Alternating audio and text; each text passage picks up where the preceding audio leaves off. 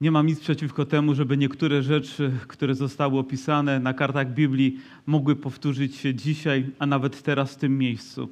Jedna z takich rzeczy, która przyszła mi do serca, to to, gdy uczniowie modlili się pewnego dnia i ziemia, na której stali, zadrżała, i wszyscy zostali napełnieni Duchem Świętym. I myślę, że to dobry czas, żeby ziemia zadrżała, żeby nasze serca zadrżały, żebyśmy zostali napełnieni Duchem Świętym, wypełnieni Bożym Słowem. Myślę, że są chętni. Gdyby nawet w tym miejscu nabożeństwo miało się zakończyć, to chcę Wam powiedzieć, ja wyjdę z tego miejsca ubłogosławiony. Choćby tą ostatnią modlitwą, Panie, zabierz mnie w to wyjątkowe miejsce, Zabierz mi od tłumu ludzi, żebym mógł po prostu przebywać z Tobą. I dzisiaj chciałbym, żebyśmy zapomnieli o wszystkich innych, którzy są na tym miejscu i skupili na naszej osobistej relacji z Bogiem i posłuchali tego, co Bóg też objawił przez swoje słowo, objawił przez apostoła Jana, a on tak pięknie opisał to i w Ewangeliach, i w Księdze Objawienia. Po środku są jego listy. I myślę, że nawet układ nie jest przypadkowy, chronologia powstawania tych ksiąg nie jest, nie jest przypadkowa, każde słowo, które tam jest, nie jest przypadkowe. Często Ewangelię Jana używamy do tego, żeby kogoś ewangelizować, żeby opowiedzieć mu o tym, jak Bóg jest wielki, jak Bóg jest kochający, jak Bóg potrafi przebaczać nasze grzechy i przemieniać nasze życie. I mamy tam namacalne dowody, gdy spotyka ludzi religijnych czy niereligijnych, chorych czy zdrowych a nawet martwych, którzy potrzebują doświadczyć Jego mocy. W Księdze Objawienia widzimy uwielbienie, widzimy chwałę, widzimy tron Boga, widzimy świętość, widzimy też trudne czasy, a listy są po środku. I my jesteśmy często pomiędzy tym momentem, kiedy zostaliśmy usprawiedliwieni, tym momentem, kiedy zostaniemy uwielbieni tam w wieczności, będziemy z Chrystusem, a tutaj potrzebujemy uświęcenia. Potrzebujemy wzrostu duchowego, potrzebujemy właściwego pokarmu.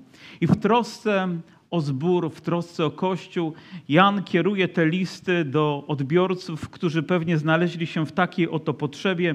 I dzisiaj sięgniemy do drugiego rozdziału i przeczytamy aż wierszy, wierszy 17, a przynajmniej postaramy się omówić. W minionym tygodniu też mówiłem o 17, o 17 wierszach z listu do Rzymian, przynajmniej w niedzielę pierwszego dnia tygodnia, bo ja traktuję, że niedziela nie jest ostatnim, ale pierwszym dniem tygodnia. A więc dwie siedemnastki pojawiają się już w tym tygodniu i kto wie, może jeszcze będzie kolejna siedemnastka. I zaczyna takimi słowami: Dzieci moje.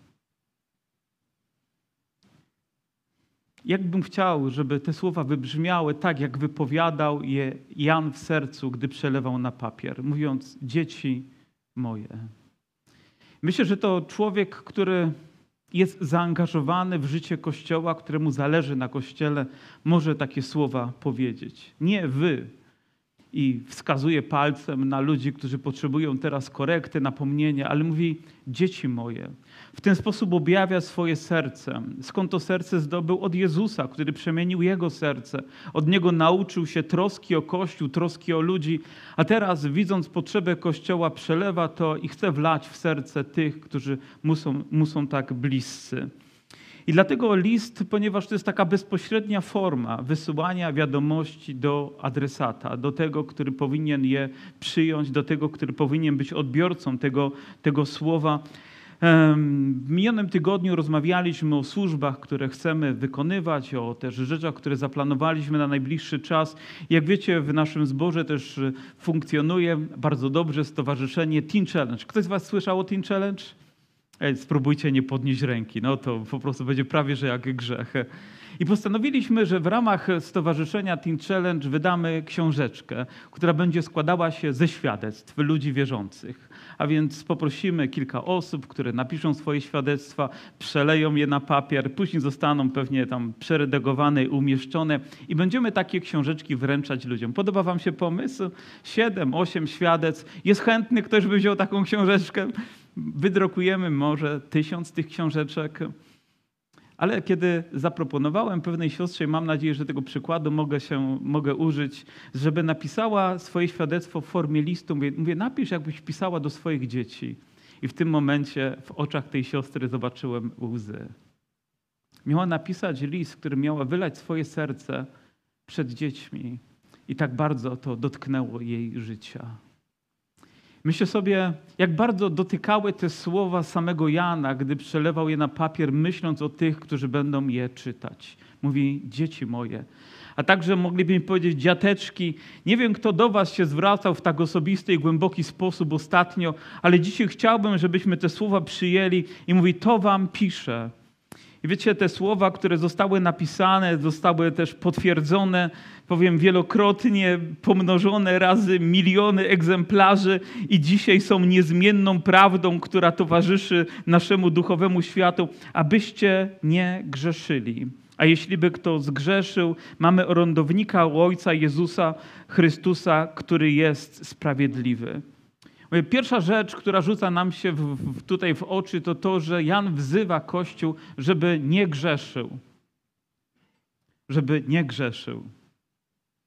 A później mówi, a jeżeli ktoś zgrzeszy, jeżeli ktoś upadnie, mamy orędownika, który jest w stanie uczynić wszystko, żeby nasze grzechy zostały, w zasadzie uczynił wszystko, żeby nasze grzechy zostały przebaczone. Ale zwróćcie uwagę na to, że Jan mówi, mówi nie zgrzeszył, on mówi, ale kto grzeszy?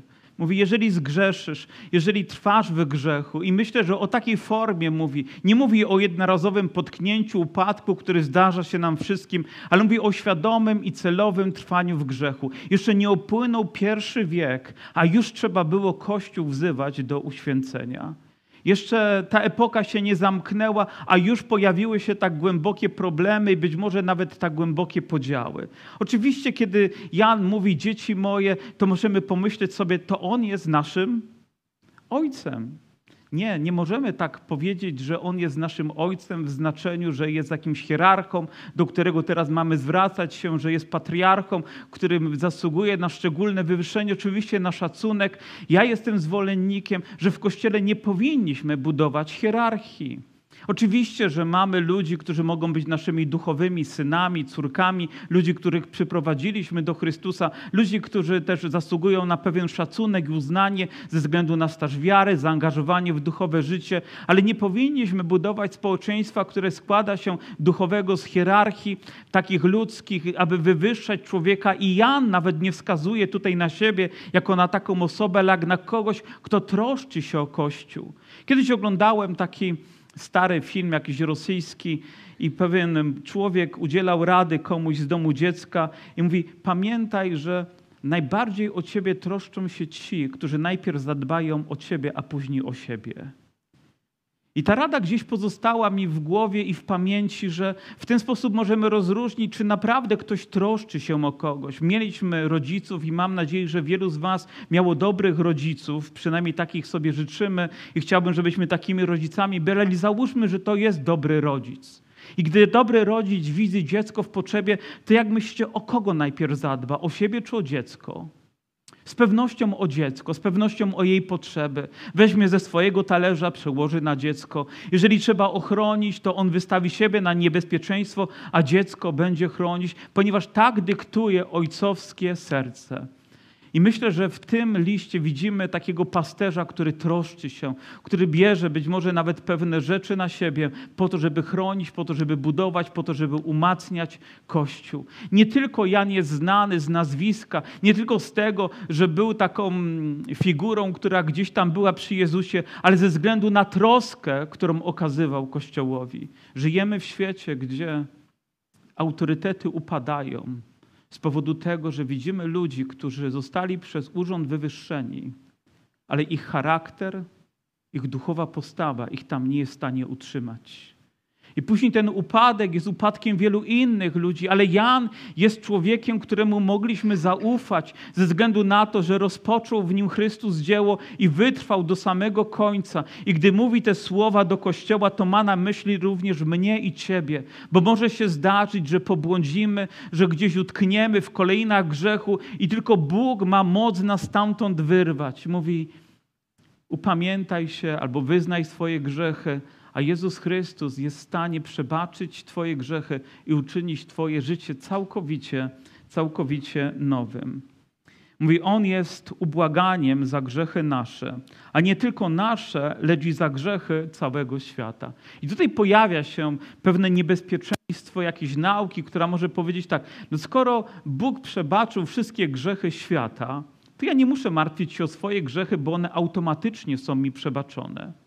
Albo ludzie, po co mają się nawracać, jeżeli te grzechy już zostały im przebaczone i rzeczywiście świat dostąpił odkupienia, a więc czekajmy wszyscy bez cienia wątpliwości na przyjście Pańskie. Nie trwajmy w bojaźni, nie trwajmy w uświęceniu. Po prostu możemy oczekiwać, bo zostało nam to zagwarantowane z samego nieba. Myślę, że taki sposób interpretowania powinien być pozbawiony, czy człowiek, który tak interpretuje, powinien być pozbawiony kazalnicy, ponieważ ten fragment nie daje daje nam prawa, żebyśmy w ten sposób go interpretowali.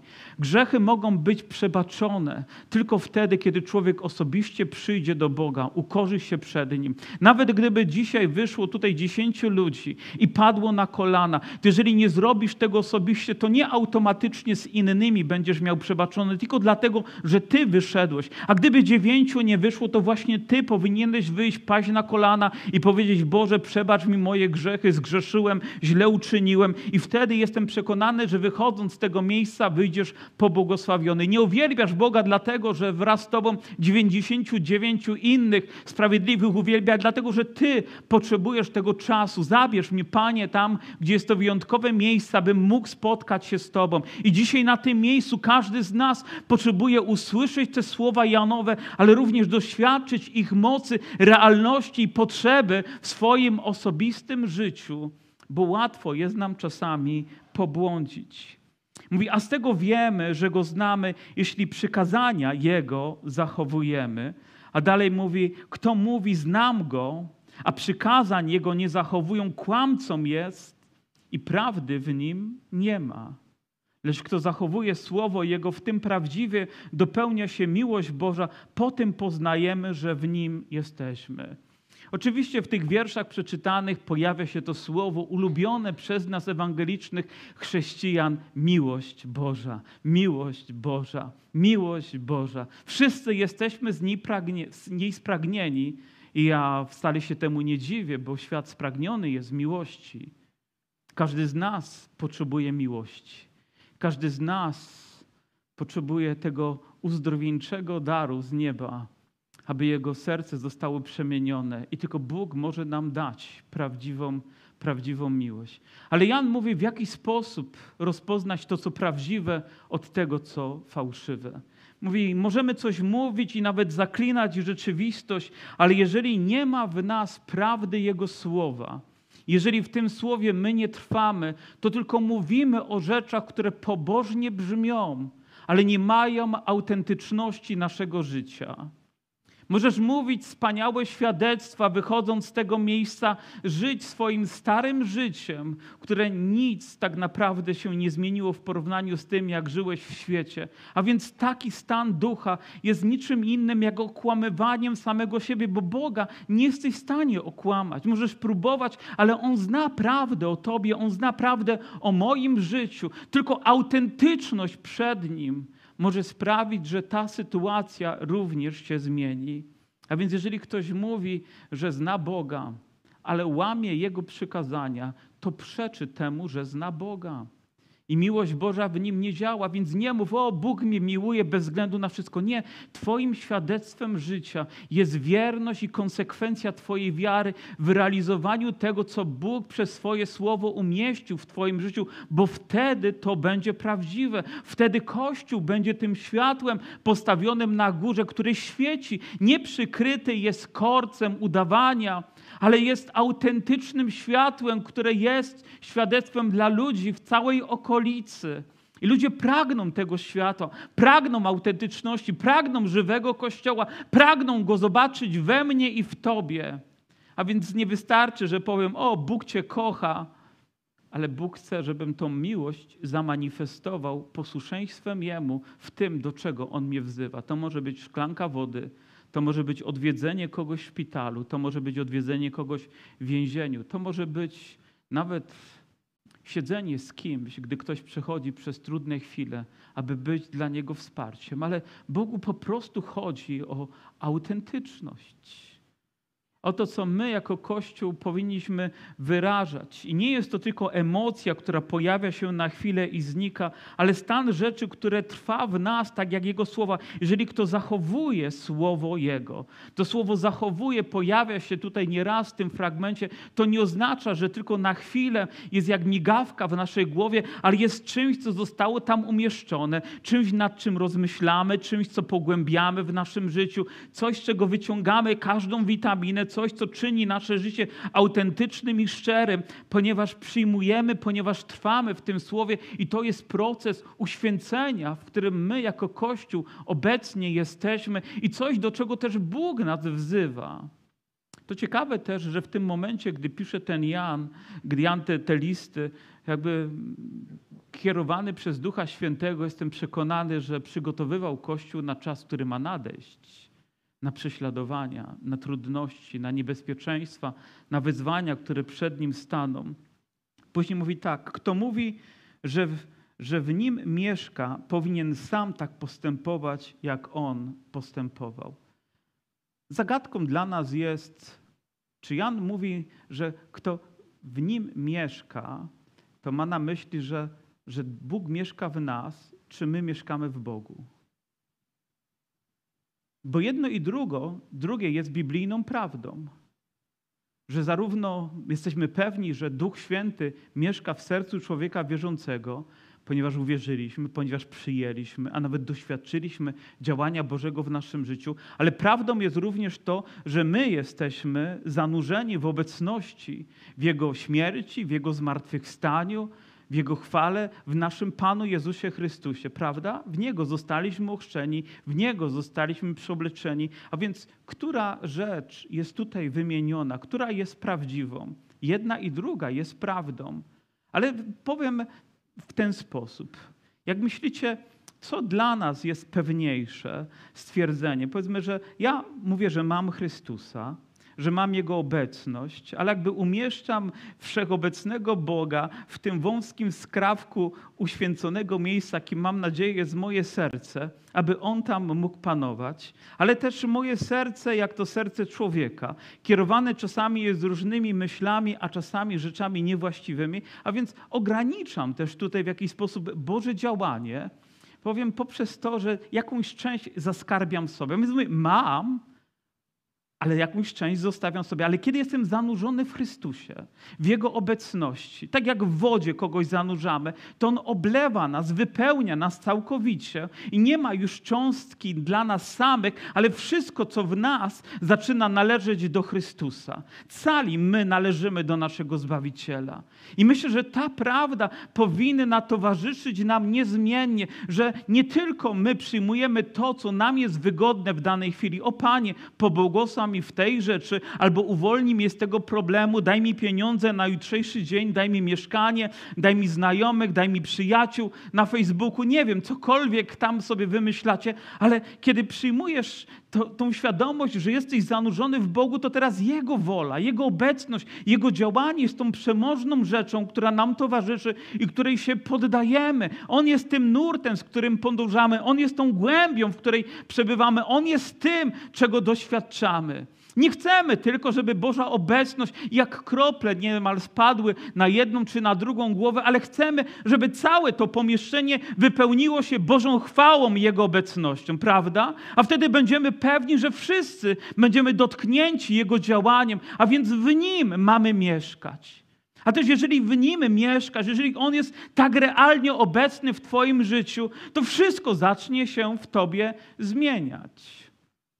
Ja Dzisiaj przypomniałem sobie pewną scenę, która była dla mnie taka trochę dziwna w moim młodzieńczym życiu, bo mm, pamiętam jak wraz z moim ojcem, który siedział obok, oglądaliśmy film.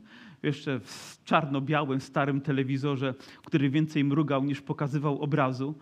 Z anteną trzeba było latać po całym pokoju, żeby jakiś obraz chwycić. Ale pojawił się jakiś film i podczas tego filmu pojawiła się scena miłosna. Wiecie, co mam? To był stary film. To nie były te nowoczesne, które są przesycone, ale po prostu scena miłosna. I obok mnie siedział mój ojciec. Powiem, to pomieszczenie było wypełnione nim i mną.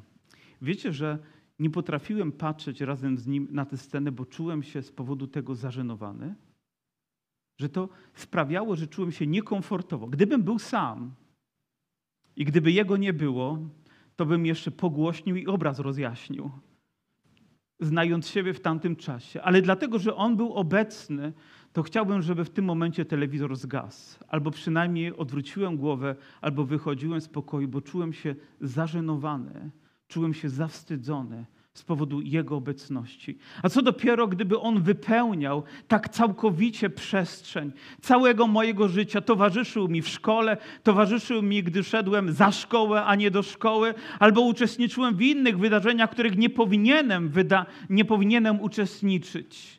Wiecie, że to całkowicie zmieniałoby moje spojrzenie, moje zachowanie, moje słownictwo, moje odnoszenie się. Gdyby na lekcji był mój ojciec obok mnie i gdybym wypowiadał się do nauczyciela w sposób niewłaściwy, to ja wiem, jakie konsekwencje bym poniósł, wiem, jak byłoby mi wstyd i głupio z powodu tego. Więc tej świadomości oczekuję również od siebie, gdy wiem, że ja jestem w Nim, że jestem zanurzony w Bożej obecności, że Jego obecność przemienia mnie, bo to zmienia wszystko w naszym życiu. Kościół powinien być miejscem, gdzie Bóg wypełnia swoją chwałą, a to znaczy, że nikt z nas nie musi wychodzić takim samym. Gdybyśmy wpadli dzisiaj do basenu, wyszlibyśmy z tego miejsca mokrzy, ale gdy wejdziemy w Bożą obecność, powinniśmy emanować tym miejscem, tam gdzie będziemy. Gdybyście poszli do Chińczyka, to jeszcze żona by poczuła, że na chińszczyźnie byliście. Podeszlibyście na kebab, żona przyjdzie, kebab jadłeś. Ale gdy jesteś w kościele, gdy jesteś z Boże i gdy jest Boża obecność i gdy przychodzisz tam, co ludzie czują? Co ludzie przeżywają, co ty doświadczasz w swoim życiu, gdy przychodzi pełna chwały Boża obecność. Jesteśmy w Nim i w Nim jest nasze życie. Amen? Tego potrzebujemy doświadczyć również na tym miejscu. Umiłowani, nie podaję wam nowego przykazania, lecz przykazanie dawne, które mieliście od początku, a tym przykazaniem dawnym jest słowo, które słyszeliście. A jednak nowe przykazanie daję wam, które jest prawdziwe w nim i w was, gdyż ciemność ustępuje, a światłość prawdziwa już świeci. Chcielibyśmy powiedzieć, Janie, to zdecyduj się. Czy dajesz nam nowe przykazanie, czy po prostu przekazujesz nam stare przykazanie? Ale jest przykazanie, które było, jest i będzie niezmiennie nowym. Przykazanie, które Pan Jezus powiedział: Będziesz miłował bliźniego swego jak? Siebie samego. Mówi, a później do kościoła mówi: Po tej miłości Ludzie poznają, że jesteście uczniami moimi, jeśli będziecie wzajemnie się miłować. I o tym nawet w niedzielę brat Mariusz przy stole pańskim nam przypominał. A więc na nowo potrzebujemy odnowienia nowego przykazania. Potrzebujemy, żeby ono dzisiaj stało się tak samo realne, jak wtedy, gdy dwa tysiące lat temu wypowiedział je Pan Jezus, tak samo jak powtórzył je Jan i tak samo jak ono dzisiaj jest cytowane z tą samą mocą, powinno odezwać się w moim życiu. Kiedyś pewien kaznodzieja, Tozer, powiedział, gdyby było 150 fortepianów, a każdy z nich został nastrojony do jednego kamertona, do jednego, tego jednego głównego, to każdy z nich będzie brzmiało czysto. I gdy będą razem grać, to będą ze sobą współbrzmieć. Ale gdybyśmy zrobili tak, że nastroimy pierwsze pianino, później drugie, a później 150, jak myślicie, jak będzie brzmiało 150 pianino? Z pewnością będzie różnica pomiędzy kamertonem a 150 pianinem. Czas upływa, nowe pokolenia się rodzą, ale Jezus Chrystus jego słowo jest niezmiennie tak samo. I dzisiaj nasze serca muszą być tak samo nastrojone tym nowym przykazaniem, które Bóg nam daje. Ono powinno z taką samą mocą i świętością rozmiewać w naszym życiu. I tego oczekuje Jan. Co prawda upłynęło już trochę dekad, ale Kościół wciąż jest Kościołem Jezusa Chrystusa. Tak jak zapamiętał i zostało to utrwalone w jego życiu, tak samo Jan chce to przekazać Kościołowi aby ta sama świętość, którą On przeżywał, towarzyszyła tym, na których teraz patrzy i być może nawet Jego serce jest rozdarte z powodu tego, co widzi, zmian, które zachodzą. Tej duchowej rzeczywistości, która zmienia się tylko powrót do prawdy, tylko do powrót do tego, co autentyczne, również i takim uczyni nasze życie. Na nowo musimy przeczytać jeszcze raz list Jana i zagłębić się w słowo, które on przekazuje, aby doświadczyć go. My czasami oczekujemy, o, chcę to zobaczyć od tego brata albo od tamtej siostry, a ona nauczyła się od innej siostry, a tamta nauczyła się od innej. Nie ty bądź przykładem. Ty bądź tym, który bierze i ty bądź tym, który daje, tak jak uczynił to Jezus. Jan nie oczekuje, że to inni uczynią dla niego, ale że oni będą czynić to dla siebie nawzajem, że jeden z nich będzie na tyle odważny, na tyle wierny, aby zademonstrować prawdę o Bożej miłości, która jest tak autentyczna, tak niezwykła i tak święta. Kto mówi, że jest światłości, a brata swojego nienawidzi, w ciemności jest nadal. Ktoś powiedział, że największymi zakładnikami nieprzebaczenia jesteśmy my sami. Jeżeli nie przebaczasz bratu, ciemność zaległa w Twoim sercu. Boże światło zostało przygaszone Twoim grzechem.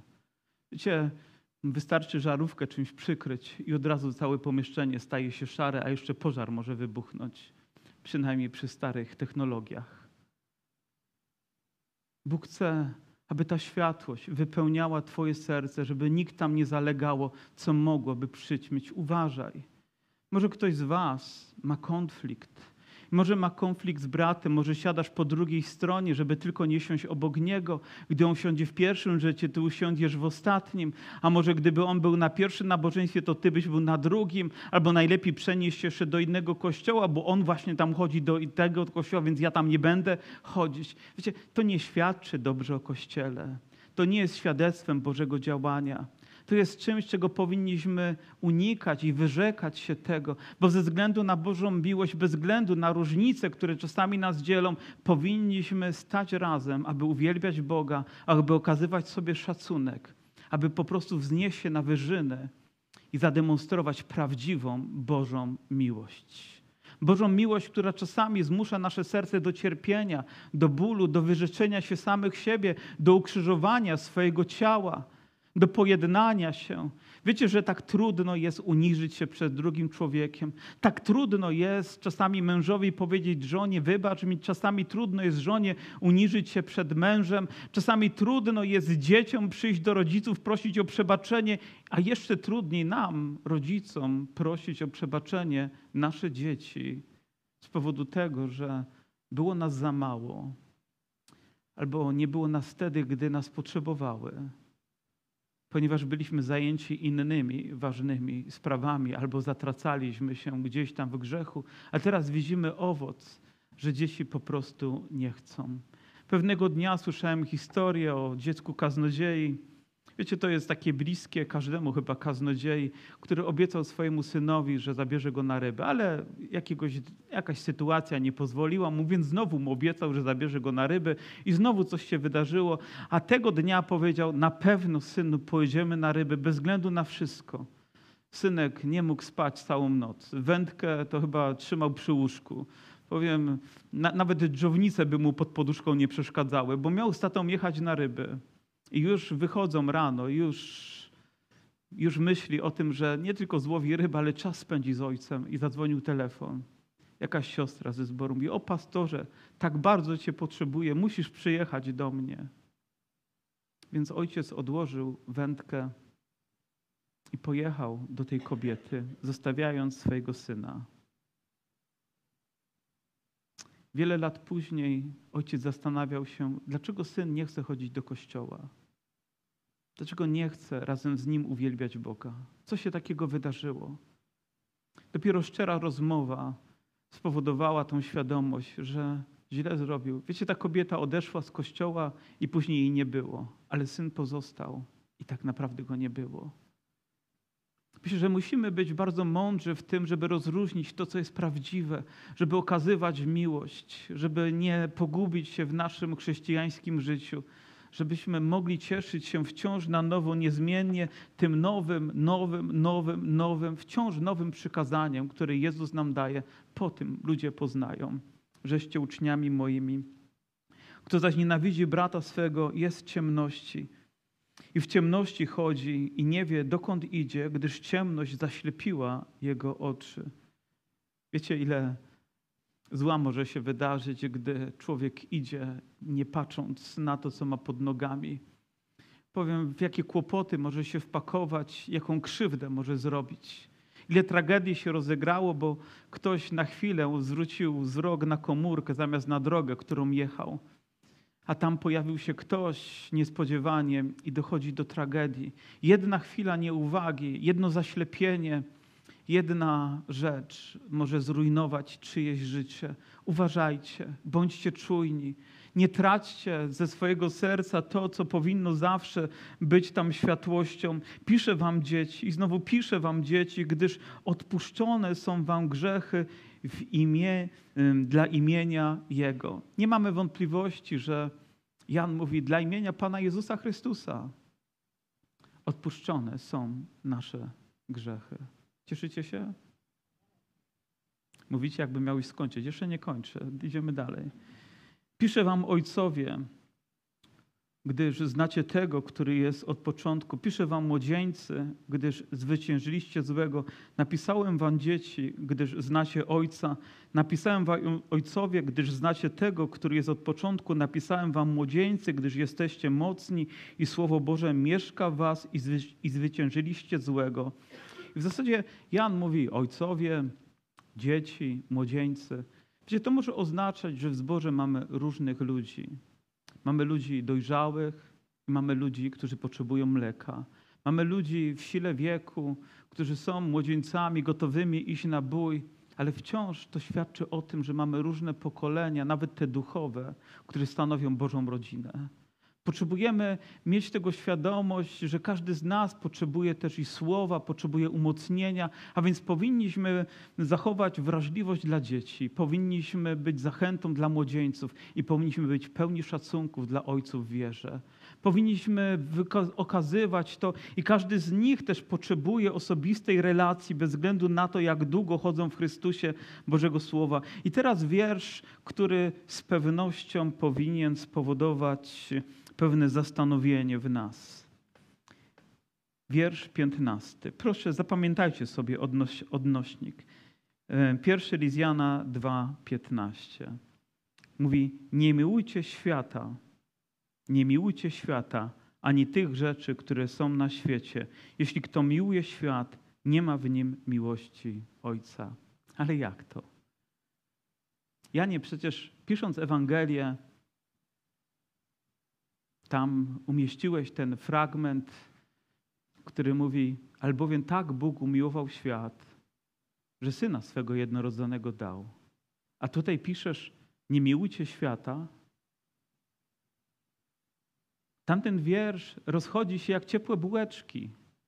Kiedy pewien kaznodzieja mówi: Kupiłem książkę z cytatem tego wiersza, który był przetłumaczony na 200 czy ileś języków. Każdy z nich mówił: Albowiem tak umiłował Bóg świat, że Syna swego jednorodzonego dał, aby każdy, kto w Niego wierzy, nie zginął, ale miał żywot wieczny. No powiedzcie mi, kto z was nauczył się na pamięć pierwszy list Jana, drugi rozdział, piętnasty wiersz? Kto z was znał na pamięć ten wiersz wcześniej, który mówi, nie miłujcie świata, ani tych rzeczy, które są na świecie. Więc jak mamy rozróżnić pomiędzy jednym a drugim? Jak odnaleźć się w tej rzeczywistości? Po pierwsze, gdy czytamy fragment w Ewangelii Jana, tam mamy napisane jest tak, albowiem tak Bóg umiłował. A więc było to wydarzenie, które miało miejsce i zostało ono objawione w Jezusie Chrystusie, który przyszedł tak Pan umiłował. Zesłał swojego Syna, aby ten był razem z nami, tak okazał nam troskę, tak okazał nam miłość. Ale tutaj mówi do ludzi wierzących, którzy już Go poznali, którzy zostali narodzeni dzięki Duchowi Świętemu, którzy poznali Jego miłość. Jego przebaczenie, Jego łaskę. A teraz mówi, a teraz wy nie miłujcie świata, wszystkiego tego, co On wnosi w wasze życie. Nie bądźcie z Nim w żaden sposób związani. A więc nie mówi o tym, że Pan umiłował świat, to znaczy, że nie ma dla niego znaczenia, jak ludzie żyją. Nie ma to ogromne znaczenie. Ogromne znaczenie ma to, żeby każdy grzech został przebaczony, aby ludzie mogli miłować Pana i żyć we właściwym stosunku do świata. Mówi, nie miłujcie świata, ani to, co próbuje was wynieść. Nasz problem polega na tym, że my tak łatwo posługujemy się słowem miłość, miłość, miłość, miłość, a tak naprawdę mamy na myśli może wiele innych rzeczy. Ktoś z Was może powiedzieć, ale kocham pizzę. Ktoś mówi, ale kocham snowboard. Mówi, ale kocham słuchać tego kaznodzieje. I nie mówię o mnie. A może masz na myśli, że tak naprawdę smakuje mi pizza, lubię ją jeść, Dobrze mi służy sport, ponieważ po nim też fizycznie czuję się lepiej. I powiem, zachętą jest dla mnie ten kaznodzieja, co mówi. Ale to, co miłujemy, powinno mieć najwyższą rangę. My powinniśmy miłować Boga, a nie ten świat. Nie rzeczy, nie ułudę tego świata, ale wszystko to, co wnosi Boże Królestwo w nasze życie, bo to będzie nas zmieniać. Mówi, nie miłujcie tego. A my tak bardzo jesteśmy zafascynowani tym, co się dzieje, to, co ten świat ma do zaoferowania. Każda reklama, która się pojawia, przyciąga nas wzrok, naszą porządliwość ciała, uruchamia wszystkie zmysły, żeby tylko ją posiąść, żeby tylko mieć w niej udział. A Pan mówi: Nie miłujcie tego, zostawcie to. Mówi: Rozprawcie się w tym w waszych oczach, które są godne tego, żeby czasami nawet je zasłonić, ponieważ porządliwość, ciało, które się odzywa całym sobą, żeby jak magnes przyciągnąć grzech. Mówi: Rozprawcie się z tym, nie miłujcie. Mówi: Jedynie Bóg jest godzien tego, aby okazać Mu miłość. Jedynie On jest tym, który może sprawić, że nasze grzechy zostaną przebaczone. Jedynie On może oddzielić nas od tego świata, aby dać nam prawdziwe życie. Tylko On może zwyciężyć moc grzechu w naszym życiu. To jest prawdziwa miłość. Nie uczucie, które przemija, nie ułuda, która się zmienia, ale realność zapewnienia Bożego Słowa przyjęcia tego wspaniałego daru i życia w nim każdego dnia. Mówi, świat przemija wraz z porządliwością, a wcześniej, bo wszystko, co jest na świecie, porządliwość ciała, porządliwość oczu i pycha życia, nie jest Ojca, ale ze świata. Jakże żałuję, że nie możemy jeszcze głębiej omówić każdego z tych zagadnień, ale ostatni wiersz i świat przemija wraz z porządliwością swoją ale kto pełni wolę Bożą, trwa na wieki. Przyjdzie czas próby. Słoma, drewno, to co doczesne będzie musiało spłonąć. Jedynie to co wieczne będzie miało wartość. Z tym będziemy musieli stanąć przed majestatem naszego wszechmogącego Boga. Niektórzy myślą, że nie muszą się tym przejmować, bo pewnie stanie się tak, że skoro Bóg tak umiłował świat, to On nie pozwoli na to, żeby ci biedni wszyscy ludzie trafili gdzieś, gdzie będą wiecznie się męczyć. Jego miłość na to nie pozwoli, bo On tak umiłował świat. Ale On też powiedział, że przygotował miejsce tym ludziom, którzy umiłowali ten świat. I tam, gdzie będą, nie będzie to z pewnością niczym, czego oczekiwali od świata, Będą konsekwencje, z którymi będą musieli się mierzyć, ale nam, ludziom wierzącym, zostawił wieczną cząstkę w naszych sercach i nawet gdy wszystko przemije, to to, co Bóg uczynił dla Ciebie, to, co umieścił w Twoim życiu, to, co jest najświętszą i największą wartością, trwać będzie na wieki. Tego nikt ci nie zabierze. Czas, tego nie zeżre inflacja, tego nie zabierze choroba, tego nie pozbawi się żaden inny człowiek, ponieważ to jest wieczność, którą Bóg w swojej, swojej łasce umieścił w nowym życiu w naszych sercach i za to należy Mu się chwała. Amen? Amen. Powstańmy, ponieważ za chwileczkę będzie musiał tutaj chór wyjść, żeby ćwiczyć do sobotniego koncertu. Zostały ponoć jeszcze dwa bilety, więc proszę teraz podczas modlitwy tego nie róbcie, ale jeżeli ktoś jeszcze nie ma, to niech szybko sobie zarezerwuje, a teraz będziemy się modlić.